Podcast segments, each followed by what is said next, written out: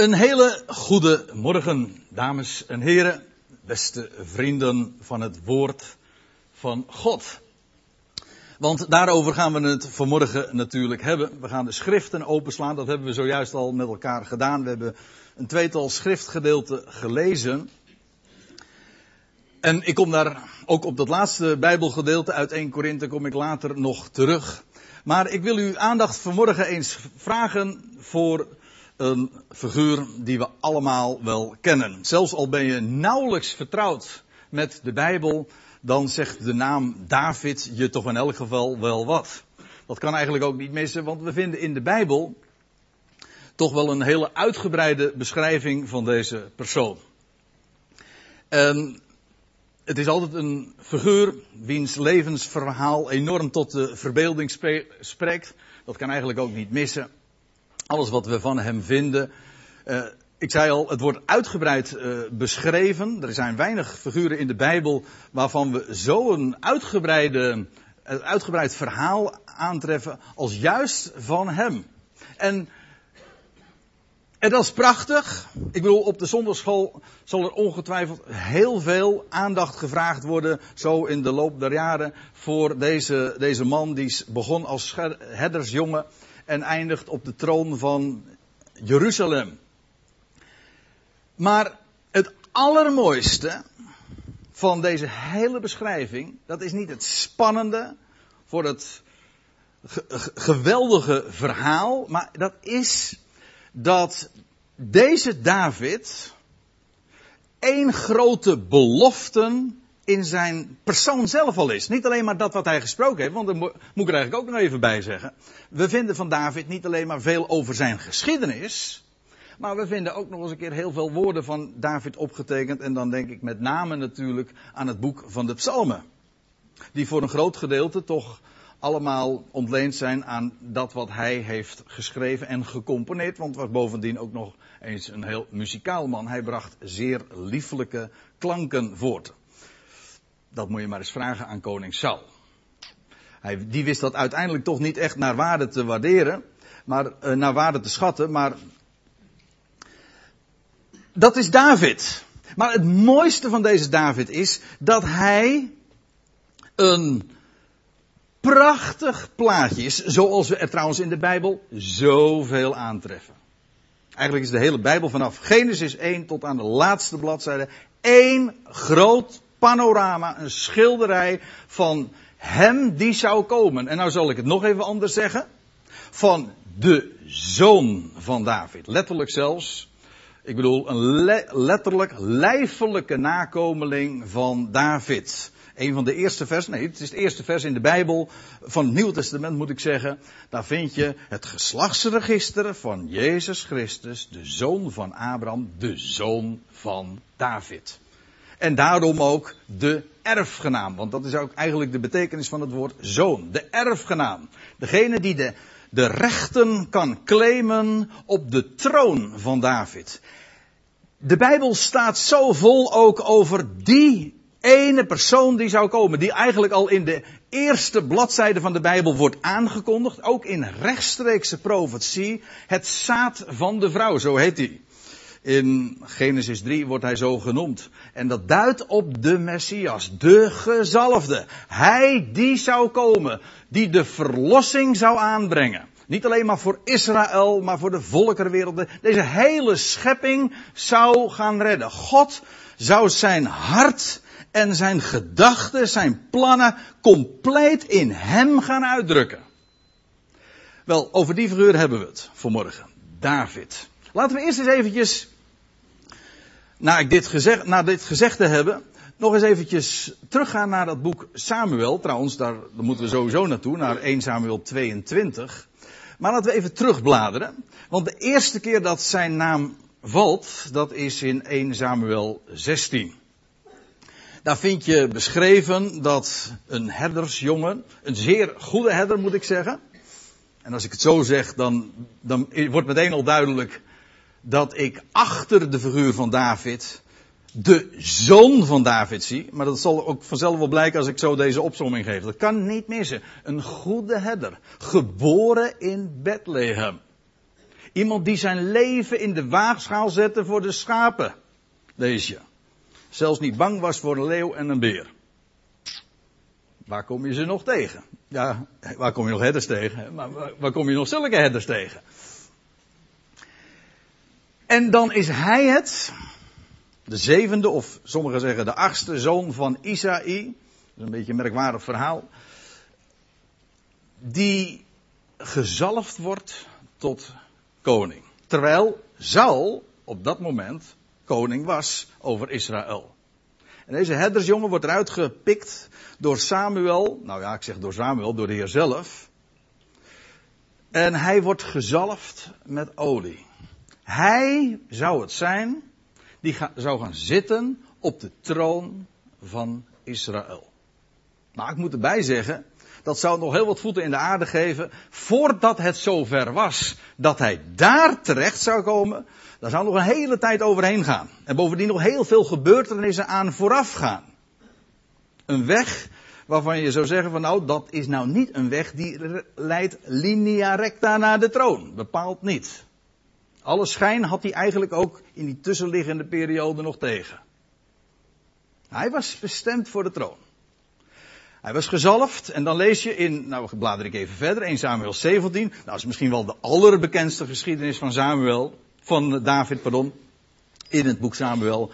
Uh, dat is die prachtige geschiedenis dat hij het opneemt, ook al heel onverwachts, tegen die machtige reus Goliath, die Filistijn, die onbesneden Filistijn, zo lees je, die zat te brallen en te vloeken tegen de, tegen de God van Israël.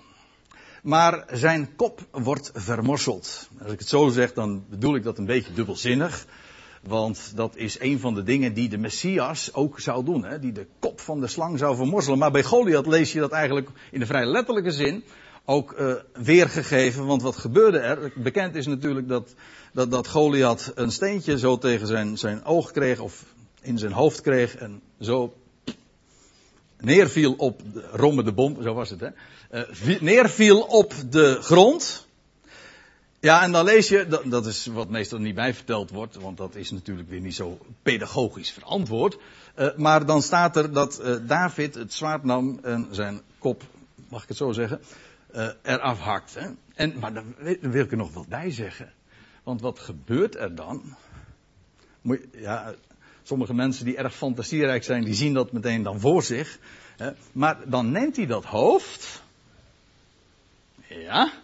En dan neemt hij dat mee naar Jeruzalem. Hij bracht het naar Jeruzalem. Wat om allerlei redenen trouwens een hele, hele merkwaardige mededeling is. Maar eh, profetisch, ziende op de zoon van David, kan ik het helemaal plaatsen. Hij neemt dat hoofd, die kop van Goliath, neemt hij mee. De overwonnen vijand neemt hij mee naar Jeruzalem. En ik zal u vertellen, even onder ons gezegd en gezwegen daar was een hoofdschedelplaats en vlak daarbij een graftuin. Dat zijn zo van die gedachten die als vanzelf zeg maar, bij je opkomen als je daaraan denkt. Afijn, Goliath is de overwonnen vijand. Die, die onoverwinnelijk leek, maar het is David die hem verslaat. Nou, we bladeren nog even verder, want we moeten natuurlijk wel bij 1 Samuel 22 uitkomen. Maar dan lees je vervolgens in hoofdstuk 18 en 19 dat het uh, Saul is, koning Saul, die, die David helemaal niet ziet zitten. We hadden het al eventjes over de prachtige muziek die, die David speelde, maar ondanks de verlichting, ondanks de boze geesten die het verdreef bij, da bij Saul, Saul zag concurrentie, terecht trouwens. En Saul vervolgt David. En David zal vaak gedacht hebben, Saul, Saul, wat vervolgt gij mij? Hm? Ja, maar het gebeurde wel. Dat is dubbelzinnig, hè, ja. Slechts de bijbelkenners die begrijpen van, hé, hey, maar dat was toch een andere Saul? Ja, dat is ook zo. Maar goed, daar moet u maar eens over nadenken. In elk geval, Saul die vervolgt die David, en dan lees je in hoofdstuk 18 en 19, prachtige verhalen. Er wordt maar heel weinig aandacht aan gegeven. Want dan vind je bijvoorbeeld dat verhaal dat hij ont, dat ontsnapt via het venster. Kent u die geschiedenis? Dat Michael dan een pop in bed legt. Die dan ter vervanging van David, nou ja, dat is een pracht. Hij verdwijnt zomaar uit het zicht. Maar als ik dat zo zeg, dan begrijp je ook meteen waar het ook profetisch weer op slaat. Want met het feit dat het schitterende verhalen zijn, soms misschien wat luguber, maar goed, dat moet je op de koop toenemen. De Bijbel is geen, geen zoetig boek, absoluut niet. Maar dan word je gewoon bepaald bij de zoon van David die inderdaad nadat hij de overwinning heeft behaald, toch niet al in al te goede aarde viel, niet geaccepteerd wordt, maar uit het zicht verdwijnt. Uit het venster verdwijnt. En nou moet ik nog even doorgaan, want dan lees je ook nog die prachtige geschiedenis in, in 1 Samuel 20. Dat David een verbond sluit met Jonathan, de zoon van Saul. En dat ze dan een afspraak maken. Hij zou zich twee dagen verbergen. En dan op de derde dag zou hij bij de steen verschijnen. Een hele uitgebreide geschiedenis. Ook nogal onbekend, denk ik. Maar twee dagen zou hij verborgen zijn. De derde dag zou hij openbaar worden. Ik ga het nu allemaal niet verklappen. Een aantal van u zullen het kennen. Of en zullen ook, uh, daar zullen belletjes gaan rinkelen en lampjes gaan branden. Hé, hey, dat herken ik. Ja, maar ga daar gaan we het nu even niet over hebben. Ik wil er alleen maar op wijzen dat al die verhalen, al die geschiedenissen gewoon wijzen op de zoon van David. En dan komen we in 1 Samuel 21, daar lees je nog, dat is dus het hoofdstuk dat direct voorafgaat aan die geschiedenis van Adullam. Dat David uh, bij de priester wie was het, Achimelech komt. En dan, dan doet hij iets wat een koning helemaal niet mag. Een, iemand uit de stam van Juda. Maar dan eet hij van de toonbroden. Dat was eigenlijk voor de priesters. Het is een koning die zich priesterlijke rechten toe-eigent. Dan kun je ethisch gaan benaderen. Zeggen, mocht hij dat nou wel of mocht hij dat nou niet? De heer Jezus gaat daar later in de evangelie ook nog op in. Maar als je eenmaal weet waar het betrekking op heeft, dan, dan, dan valt alle, alle stukjes vallen dan vanzelf op, op zijn plaats. Dan heb je al helemaal geen boodschap meer aan, aan die ethische benadering. Had dat nou wel of niet gemogen? Het gaat er namelijk om dat die koning niet alleen koning is, maar bovendien priester. Een thema dat later trouwens in het Nieuwe Testament nog uitgebreid wordt toegelicht. De koning die wij kennen, Jezus Christus, de zoon van David, is niet alleen koning, hij is bovendien priester. Koning, priester, naar de ordening van Melchizedek, zoals dat zo plechtig heet. Prachtige dingen. Nou, dan zijn we aangekomen in 1 Samuel 22, daar lees je, David ging vandaar weg. Nou, nee, dan moet ik nog iets zeggen. Uh, want er, daar gaat namelijk nog iets aan vooraf in 1 Samuel 21. Dat David weer vlucht, want hij moet van hot naar her, want hij is nergens veilig.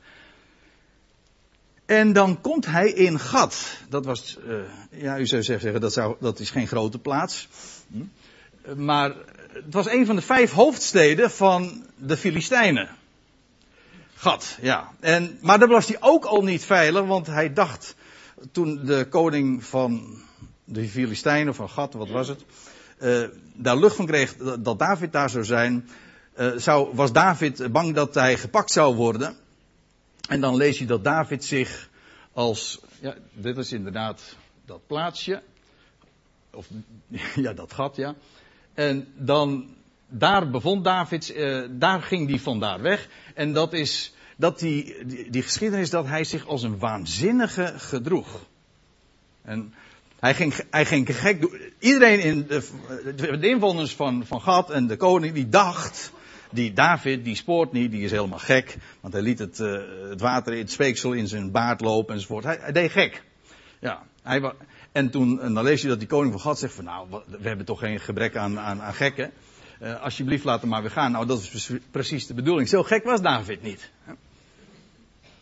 Helemaal niet, maar ik denk er bij mezelf dan, ja, gek, ja, uh, dwaas, dat denkt de wereld natuurlijk. Maar dat was hij niet. Hij was geen dwaas, integendeel. Sommige mensen hebben het hem kwalijk genomen dat hij zo handelde als, als, een, als, als, een, als een dwaas. Maar ik, heb dat in de Bijbel nooit kunnen vinden. In Gods vertrouwen heeft hij dat gedaan, lezen we in de psalmen. Nou, dan ga ik nu, kan ik ook niet verder op ingaan. Maar u bent in ieder geval een klein beetje in de stemming nu gekomen over wie we het hebben en wat de voorgeschiedenis is. Deze David, daar gaat het. Hij ging vandaar, dus uit Gat ging hij weg. En dan lees je, hij ontkwam naar de spelonk van Adullam. Nou, dat is dan niet zo ver vandaan, want als dit dus gat is, dan krijg je hier, ja, um, ik het goed? Ja, hij, hij kwam hier dus in Adullam. En dan lees je, dat is een, een, een, een spelonk, een, je kunt dat uh, nu nog steeds uh, bezoeken. Ik heb het zelf nooit gedaan, ondanks het feit dat ik al een aantal keren in Israël geweest ben. Maar daar heb je een uitgebreid gangennetwerk. En in, uh, onder de grond, hij ging dus ondergronds, ja. En dan lees je, het was de spelonk van Adullam. De plaats wordt al diverse keren ook eerder genoemd in de Bijbel. Maar Adullam, dat heeft te maken met de verborgenheid. Het woordje olam zit daar ook nog in en dat betekent, veel van u zullen dat wel herkennen. Olam heeft met de aion te maken, met, maar het betekent letterlijk verborgen. De verborgenheid. Wat bij een spelonk natuurlijk nogal logisch is, want een spelonk is nu juist een verborgen plaats. Het is ondergronds. Maar ook dat, beste vrienden, is zo typerend voor de positie ja, van David in deze tussenperiode, voorafgaand aan, aan zijn daadwerkelijke koningschap, maar ook van de zoon van David, die nu weliswaar de overwinning heeft behaald op de vijand. Hij is bestemd voor de troon. Hij is de gezalfde. Oftewel in het Hebreeuws moet je dan zeggen, de Mashiach, de, de Christus, dat is weer Grieks. Dat betekent allemaal hetzelfde. Hij is gezalfd met geest en leven, want dat is waar olie dan weer een beeld van is. Afijn. Maar nu, want de vraag is, waar is hij dan nu? Nou, in de eerste plaats wat je van hem kunt zeggen, hij wordt niet gepruimd. Hij wordt hij wordt niet geaccepteerd, zijn rechten worden betwist en het is Saul die hem vervolgt. En David verdwijnt uit het zicht, uit het venster. Hè? En hij komt, nou zoals in deze geschiedenis, eigenlijk is de, de, die, die hoofdstukken hier in Samuel, het zijn allemaal verschillende bedrijven, om het eventjes in een to, toneeltermen te zeggen. Maar ze schilderen allemaal hetzelfde thema. Miskend, verworpen, vervolgd, bovendien verborgen. Voor twee dagen, ja. Verborgen. En dat is ondergronds. En eigenlijk is dat typisch en typerend ook voor het werk van God in deze tijd. De koning, hij is verborgen.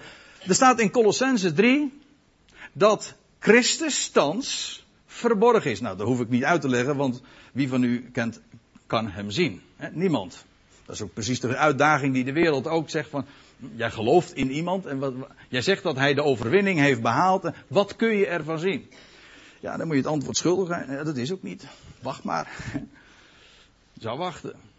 Hij is verborgen. maar niet alleen hij, maar ook trouwens ons leven en ons geheim, onze essentie, is met hem verborgen bij God. En dat moet je zoeken. Zoek daarom de dingen die boven zijn. Niet die op daar zijn, want hier, er valt niks te zien. En eigenlijk is die beweging van de Messias een heel ondergronds gebeuren. Dit koninkrijk, dat is een toekomstige zaak. Dat wil zeggen dat het openbaar zal zijn. Dat zijn claims ook gezien en manifest zullen zijn. Nou, maar nu is hij verborgen. In de spelonk. Ondergronds. Niet geaccepteerd. Nou, daar is David dus. Maar dus ook de zoon van David. Maar die dingen die lopen vanmorgen zo allemaal door elkaar. En, het is aan u om de dingen een beetje uit elkaar te houden. De goede verstaander zullen we maar zeggen. Ja, er wordt, van, er wordt, er wordt wel wat van u gevraagd zoals ik uh, over deze dingen spreek. De Bijbel noemt dit ook trouwens vaste spijs. Daar moet je even op kouwen. Dat is niet soms allemaal hap, slik, weg. Nee, dan moet je echt even kouwen en herkauwen vaak. Dan ben je een rein dier ook trouwens. Goed. Uh, dan lees je, hij ontkwam dus naar de spelonk van Adullam. Dan moet ik er nog iets over zeggen, over die locatie namelijk. Want ik zei zojuist al, het was, het was niet ver van de plaats Gat. Maar Dat lag in het Filistijnse gebied. Maar het was ook bij het Eikendal. En dat Eikendal, het dal van Ela, zegt de Statenvertaling. Maar betekent gewoon het Eikendal. Dat was namelijk vlakbij. Bij, bij Adullam. Dat lees je. Uh, dat is gewoon uh, bekend. Dus het lag direct in de omgeving. Men had, bij wijze van spreken, je kwam uit Adullam, je kwam tevoorschijn en dan had je gewoon zicht, uitzicht op het Eikendal. En dat is dat dal waar we het al over hadden. Namelijk waar de overwinning op Goliath was gevierd. En nou eerst behaald en later gevierd. Een mooi uitzicht als u het mij vraagt. Nou ja, voor zover je een mooi uitzicht in de spelonk hebt, maar u begrijpt wat ik bedoel. Dat is een prachtige locatie. Waar de overwinning is behaald. Hij is in de verborgenheid, maar je, wordt, je aandacht wordt meteen al qua plaats al bepaald bij de overwinning. Bij Gods trouw, want ik kan het nog wel wat verder trekken, want maar ik aarzel, want dat vergt ook enige uitleg. Maar een eik, moet u weten, is een uitbeelding van Gods gerechtigheid. Van Gods trouw. Hij doet recht aan zijn belofte. Zo'n geweldige gedachte. En in de Bijbel vind je dat op allerlei manieren bevestigd. De Bijbel spreekt ook over eikenbomen van de gerechtigheid. Van Gods trouw. Van Gods belofte. Heeft ook alles nog weer te maken met het teken van de besnijdenis.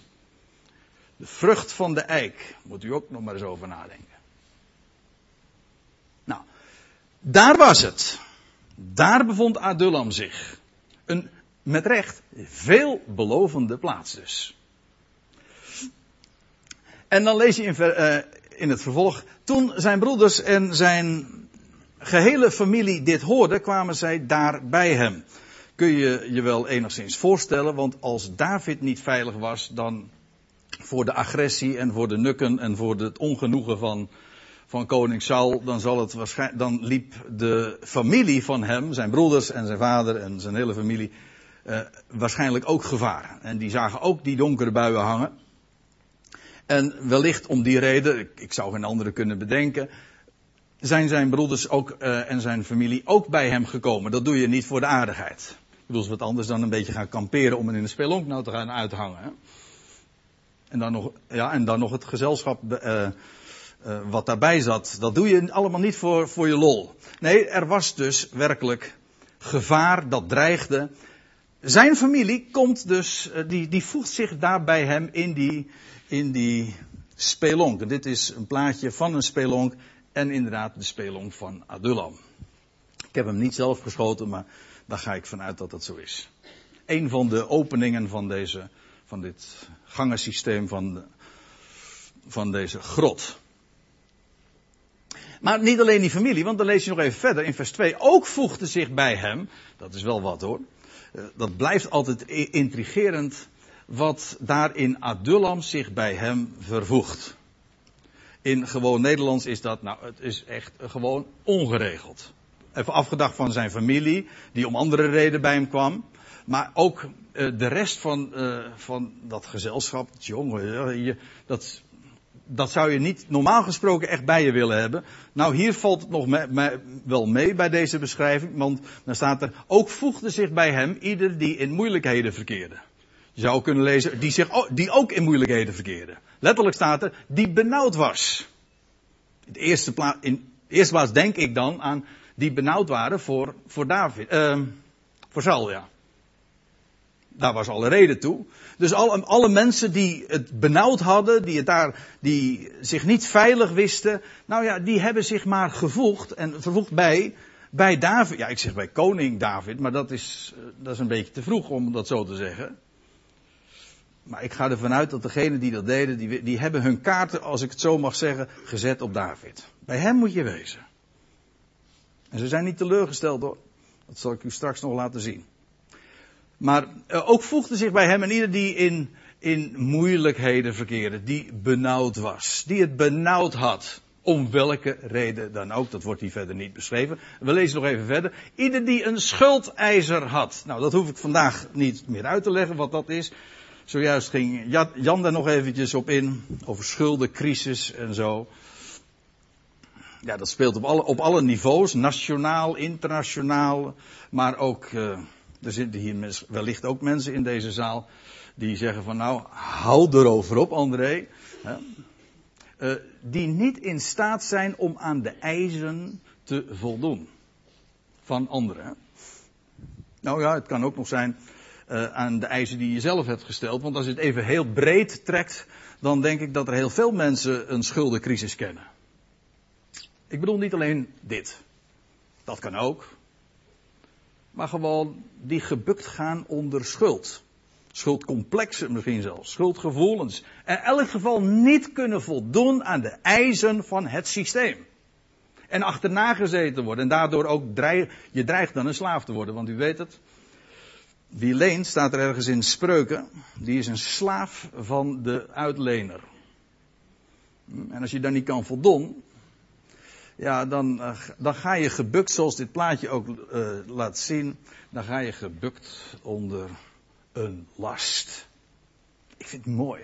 Ik vind, ik vind het zo mooi. Wat hier beschreven is, dat is natuurlijk letterlijk waar allemaal gebeurd toen, ongeveer duizend jaar voor Christus, dat David daar in Adullam beschuil hield in een spelonk en dat daar zulke mensen bij hem kwamen.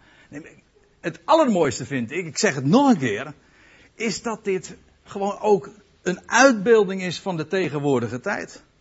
Van de zoon van David die zich schuilhoudt, die ondergronds gaat. Zijn koninkrijk gaat komen, maar er is nog helemaal niks van te zien. En wie komen er nou bij hem? Nou, mensen die benauwd zijn, om welke reden dan ook. Mensen die gebukt gaan onder de eisen die aan hen gesteld worden. Laat ik het maar even gewoon zo breed formuleren. Ik weet zeker dat er heel veel mensen zijn die zich daarin herkennen. Weet je wat je dan moet doen? Ik heb een hele goede tip. Dan moet je gewoon je vervoegen bij de zoon, eh, bij David. Hm? Dat blijkt ik zal trouwens nog een categorie noemen. Een ieder die verbitterd was. Ook hier wordt niet aangegeven hoezo verbitterd. Nou, mensen die.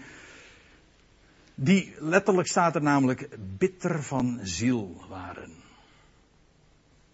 Het zijn zomaar van die eigenschappen.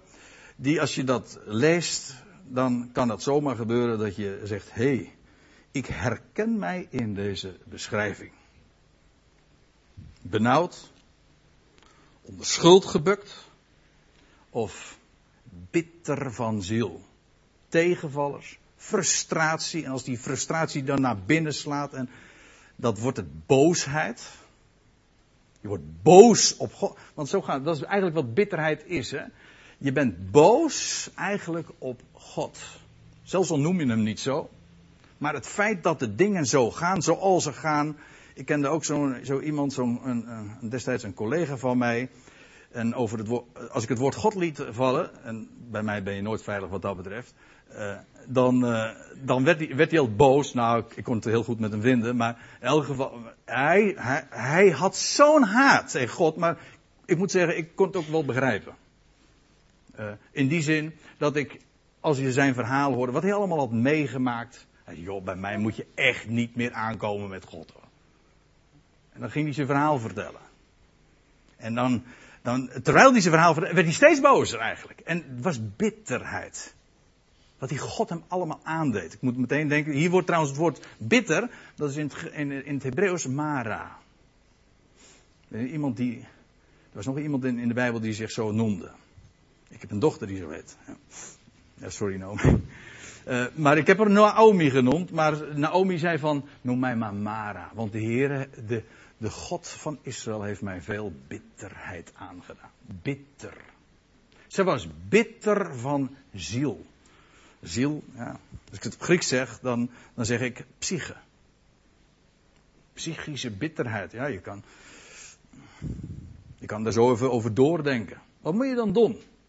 Als je bitter bent. Nou, dan zeg ik, dan moet je bij David wezen. Blijkt echt hoor. Want als je daar eenmaal bent, dan ga je niet meer weg. Dat zie je God namelijk. Dan moet je bij David zijn. Maar weet je, die uitdrukking bitter van ziel, daar wil ik jullie graag eens even op attenderen. Dat is leuk. Waarom? Uh, die uitdrukking vinden we nog een keer in de Bijbel. En wel in het boek Spreuken. Spreuken 31. En dat is geschreven door de zoon van David.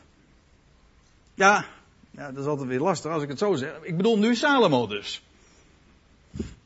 De vredevorst. En dan lees je, Spreuken 31, het waren de lessen van Lemuel, maar dat is een bijnaam voor Samuel, die hij geleerd had van zijn moeder. Dat wil dus zeggen, als u er allemaal nog bij bent, hè, dat was dus de vrouw van David. Van wie David en van wie die het dan weer had, ja. Maar uh, nou, daar staat iets, en dat is ongetwijfeld pastoraal of therapeutisch uh, niet verantwoord, wat ik nou ga zeggen, maar ik, ik dek me in, ik zeg het staat gewoon in de Bijbel, dus sorry. Uh, er staat in Spreuken 31 dit. Dezelfde uitdrukking, bitter van ziel. Geef wijn aan wie bitter van ziel zijn. Waarom? Opdat hij drinken en zijn armoe vergeten. En aan zijn moeite niet meer denken. Ja. Mooi hè? Ja.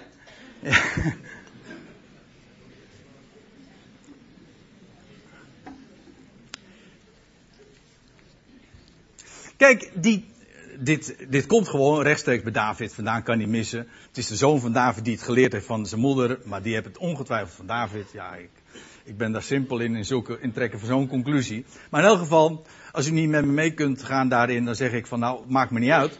Want dan gaan we via de andere route. Kijk, de David, die, ja, die ontving daar al die mensen. Hè.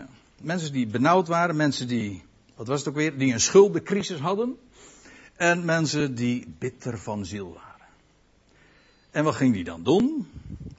Was, was je in zijn ogen zielig? Nee. Ja, misschien ook weer erg onverantwoord, wat ik nou zeg. Nee, jij bent niet zielig, maar weet u wat leuk is? Hij is geestig. Ja, hij is geestig. En hij doet jou, hij, hij, hij lost jouw problemen niet. Oh, hij neemt jouw probleem niet serieus. Daar ben je trouwens ook niks mee geholpen hoor. Nee, je, weet je wat er gebeurt? Als iemand jouw probleem serieus neemt, dan heb je ineens een serieus probleem. Ja, nee, hij, dat deed hij niet. Wat deed hij? Hij kwam, hij, wat deed hij met mensen die bitter van ziel waren? Hij gaf ze wijn.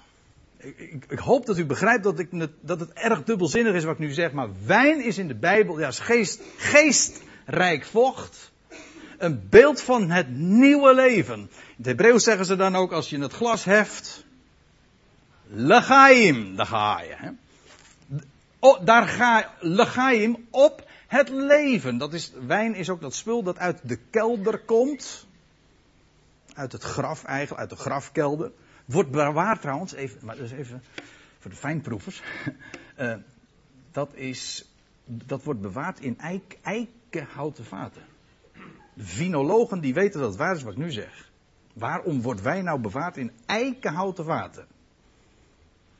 Nou, goed. Uh, dat komt er, en dat komt dan, het gaat als druivensap daar in die kelder en het komt er na verloop van tijd als geestrijk vocht uit die kelder. Dat is een beeld gewoon van nieuw leven. Overwinning weer op de dood. Kijk, en weet u wat het prachtig is van wat David doet? Die neemt niet jouw problemen serieus, jij bent niet zielig. Nee, hij doet jou, hij, hij lost jouw problemen niet op. Hij doet iets veel mooiers, hij trekt je er gewoon bovenuit.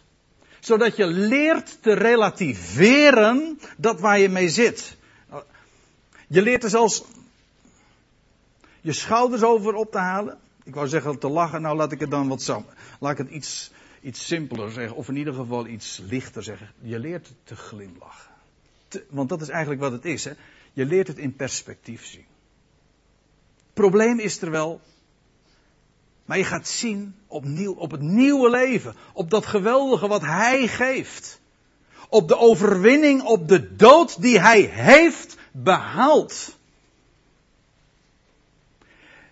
En dan, dan heft hij het glas. Ja, we hebben er zojuist van Herman Vinkers ook nog over gelezen. Daar, ja, daar heffen wij het glas, maar we doen het hier al. Wij, wij kennen dat nieuwe leven toch al?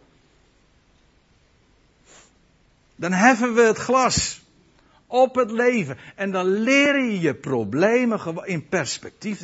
En dan, ga, dan leer je het te relativeren. Eigenlijk is dat ook precies wat humor is. Humor is niks anders. Je leert je problemen in een wat groter perspectief te plaatsen. Wat God geeft is hoop. Hij geeft je hoop, verwachting. En dan ineens blijkt precies zoals Ida dat ook zo mooi en Rob en Ida dat in een brief hadden aangegeven. Je leert het. Hoe groot moet die heerlijkheid zijn? Straks. Als al het lijden van nu in het niet daarbij zal zinken. Dat is waar. Kijk, als je dat perspectief hebt, dan leer je te glimlachen. Dan, dan, dan, kun je daar, dan kun je er weer tegen. Het mooiste wat er is, en dat is ook precies wat het getuigenis wat wij hebben. Wij mogen de mensen wijzen op de zoon van David. En als er mensen zijn die het benauwd hebben of onder, onder een schuldencrisis gebukt gaan, geen nood. Wij wijzen op hem die in wie wij gerechtvaardigd worden. Die ons helemaal niet met schuld ziet, die vergeeft en die zegt, jij bent volmaakt in mijn ogen. Kijk, dat is, dat is David. Of, ik bedoel, de zoon van David, die dat met ons doet. Bij hem moet je wezen. Als je bitter bent, dan zegt hij hier, we hebben het glas. Dan vergeet je gewoon je problemen. Kijk, dat is de, met, ik noem dat met recht, de geestige benadering. Dat nieuwe leven, dat wat hij, hoe hij veel, zoveel sterker is dan al onze problematiek. En dan leer je te glimlachen en je leert zelfs te lachen. Want u zegt daarboven wordt niet gelachen. Nou, Herman Vinker was het daar niet mee eens en ik ook niet hoor. Ik denk dat als er ergens gelachen wordt, dan is het juist daarboven. In Psalm 2 lees je dat ook. Die in de hemel zetelt, die lacht. Dat is zelfs een spottende lach. Wij denken dat we hier in enorme problemen zijn, eh, zitten. En, ja, dat, dat zeg ik gewoon ook in het algemeen. Als je het even gewoon wat meer van, vanuit, ja, vanuit de hoogte, want dat is wat er gebeurt. Hij, hij stelt je op de hoogte. Wat ook vrij dubbelzinnig is, hè. Hij, hij, zet, hij zet ons op een hoge plaats. Hij, hij brengt ons op de hoogte van wie hij is, ja. En dan, kijk je, dan leer je neerkijken. Zo belangrijk is het allemaal niet, onze, onze particuliere problematiek, et cetera. En zelfs wat er in de wereld gebeurt. Zeg, oh, het is allemaal ernstig, ernstig. Er is een Joods spreekwoord dat zegt, alleen, alleen de spotters spreken ernstig. Een hele diepe. Als je namelijk vanuit zijn perspectief ziet, dan zeg je, nee. Er is maar één ding belangrijk. En dat is God, met allemaal hoofdletters, die alles gewoon een plek geeft. En wij denken, gaat voor alles mis, dan gaat helemaal niks mis. Zeg God, hè? Nou, dat bedoel ik, als je nou echt op de hoogte gezet bent. Dat is een beetje een rare beeldspraak die, nou, die ik nou gebruik, want ik heb het over iemand die in de spelonk zit, maar goed. Hè? Als je op de hoogte gezet wordt, dan leer je daarop neerkijken. Nou, in elk geval, hij, van, de, van David lees je dan al die mensen die kwamen bij hem, op hem af, ja. En nou kom ik dan toch even op dat, dat Bijbelgedeelte wat we ook hebben gelezen uit 1 Korinthe. Dan lees je van, ja, dat Paulus, ja, die Corinthiërs uh, even een flink rood hoofd bezorgt. Want dan zegt hij, ziet slechts broeders, 1 Korinthe 1. Dus, moet je voorstellen, voorstellen Korinthe, een havenplaats. En, en Paulus zegt dan van, nou, ziet slechts broeders wat gij waart toen gij geroepen werd. Eigenlijk staat er gewoon in een tijdloze vorm. Want het is niet zozeer verleden, maar gewoon ziet slechts wat gij naar wie, wie je bent. U die de Heere roept. En dan zegt hij niet vele wijzen. Het was niet zo'n geleerd gezelschap. Misschien waren er wel een paar. Ik bedoel, uh, uh, niemand in discrediet te brengen. Het gaat er niet om dat dat een probleem is. Maar het gaat er juist om dat Paulus zegt van nou, heb nou niet zo een idee van dat je nou zoveel bent. Niet vele wijzen naar het vlees. Ook niet vele invloedrijke politici of mensen die van statuur. Niet vele aanzienlijke. Integendeel zelfs. En dan zie je dat daar een plan achter zit. En dat, is, dat sluit als mij vraagt naadloos aan bij 1 Samuel 22. Dat is nou niet een gezelschap dat je denkt, goh zeg, daar ben ik nou trots op. Om daarbij te horen. Hm? Het staat niet goed op je cv als je zegt van nou ik heb, eh, ik heb in zo'n gezelschap vertoefd. En ik denk wel eens een keertje. Uh, want mensen vragen dat zijn christenen betere mensen. In, als ik het in dit perspectief zeg, nee, juist niet. En, en ik denk nu dat heel veel van u nu vervolgens denkt, ah, nou, nou, nou ga ik dingen begrijpen. Wij zijn niet beter. Integendeel. Integendeel. Het is niet zoveel soeps. Mag ik het zo zeggen? Uh, niet wat voor de wereld onaanzienlijk en veracht is, heeft God uitverkoren. God heeft daar een oog op. Waarom? Nou, omdat wat niets is, te, omdat wat niets is, om aan hetgeen wel iets is, al of niet tussen aanhalingstekens, wat iets, iets, van zichzelf denkt te zijn, omdat wat, uh, omdat wat niets is, om aan hetgeen wel iets is, zijn kracht te ontnemen. En dan staat er nog iets achter. En dat is de echte, uiteindelijke reden. Waarom? Opdat geen vlees zou roemen voor God. Geen mens hoeft zich ook maar iets te verbeelden. Zijn christenen weten? Nee, in tegendeel. Maar verbeeld je nou ook zelf nou helemaal niks? En als je zegt van god, het is toch heel wat om met, nou, dat klopt aardig hè, met 400 man hè, bij elkaar te zijn. En uh, is, wil, je daar, wil je daarbij horen? Nou, uh, nou, meestal misschien niet. Maar je, weet je waar, waarom je er naartoe gaat? Dat is niet vanwege die 400 man, maar vanwege het feit dat David daar is. Weet u wel, die man die God had uitverkoren. Daar moet je zijn. En hij weet wel weg met jouw benauwdheid en met jouw schulden en met jouw, wat was het ook alweer, met jouw bitterheid. Daar weet hij perfect raad mee. En het is daar heel goed toe voor, kan ik bewijzen, want wat lees je? Ja, oh, eerst dan nog dit. Hij werd hun aanvoerder. In het Hebreeuws staat daar, hij werd een tsar. Dat betekent eigenlijk een vorst. Ik heb me laten vertellen dat het woord wat hier gebruikt wordt, ook zelfs in allerlei talen nog weer terug te vinden is. Sir, of sire, of tsaar, Russisch hè. Het schijnt allemaal verwant te zijn. Lieg ik, dan lieg ik in commissie. Uh, met dit woord, uh, dit Hebreeuwse woord. Hij werd hun Heer. Degene die hen beschermde. Die voor hen zorgde. Bij wie je veilig was. Nou ja, het was misschien niet al te comfortabel. En het was er ook echt niet niks hoor. En, en ook geen niks doen bedoel ik. Dat blijkt wel, want ze moesten iedere keer weer verkassen, et cetera. Maar hij werd hun aanvoerder.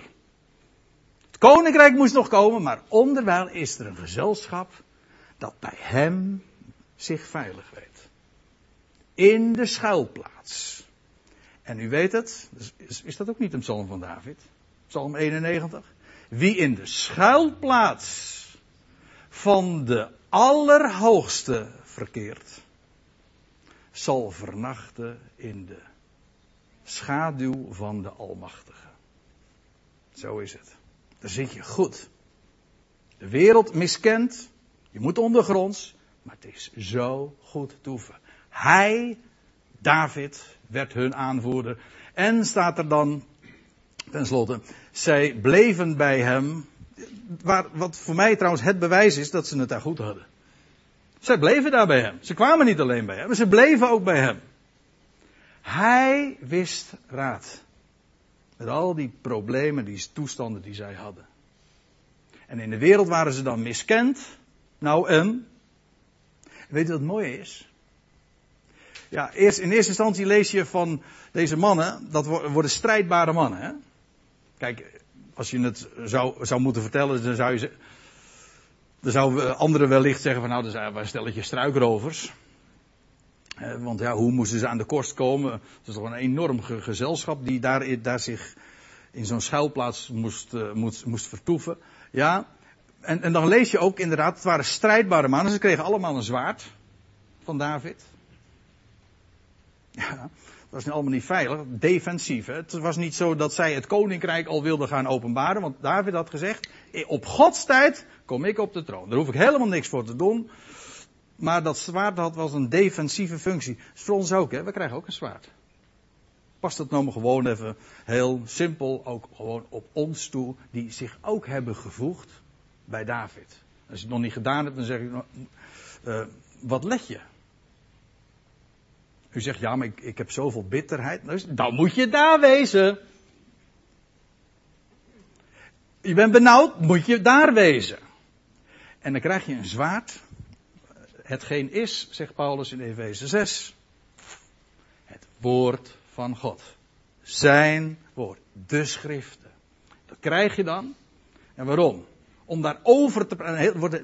Heel, veel mensen praten over dat woord van God. Moet je niet doen. Of die willen de Bijbel verdedigen of bevestigen. Maar zo'n zwaard is niet een ding om over te praten of te verdedigen. Nee, dat ding is juist om mee te verdedigen. Je krijgt hem in je handen, gebruik hem maar. En dan zul je zien wat het is. Nou, de Bijbel zegt van zichzelf, het, het, het woord van God is levend en krachtig en scherper dan enig tweesnijdend zwaard. Snijdt aan twee kanten, ja, ja. Aan alle kanten. Ook soms erg diep in het eigen vlees. Maar dat zwaard, dat krijg je. Zijn woord. Eh, wat onderscheidt ons? Nou, wij bevinden ons bij David. Dan zit je goed. We zijn in de verborgenheid. We hebben een, we hebben een woord, mensen. Spreek ervan. Gebruik het. Al was het maar om al die mensen die bitterheid hebben en schuldencrisis en, en, en benauwd zijn, om hen te wijzen.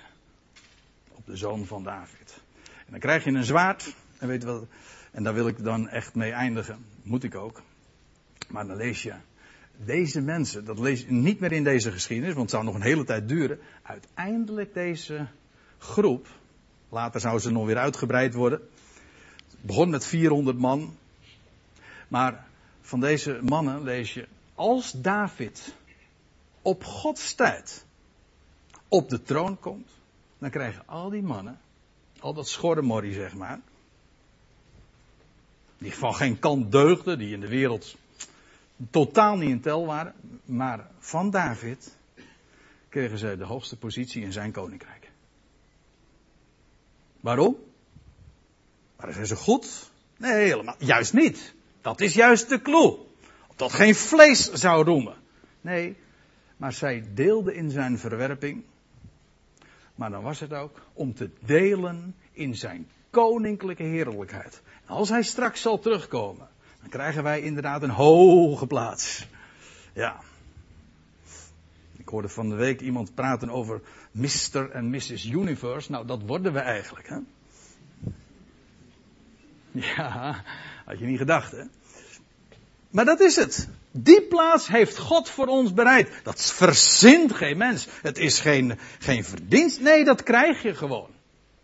En onderwijl, wij wachten gewoon op de tijd, op Gods tijd. Zijn beloftes, houdt stand. Zijn, daar kun je van op aan. Ik denk maar aan die eiken. En daar staan wij op. De tijd komt dat David zijn troon zal gaan, gaan bezitten, bezetten in Jeruzalem. Zijn koninkrijk zal openbaar worden in deze wereld. Die heerlijkheid staat vast. Daar gaan we in delen. Ik stel voor dat we daar een lied over gaan zingen met elkaar.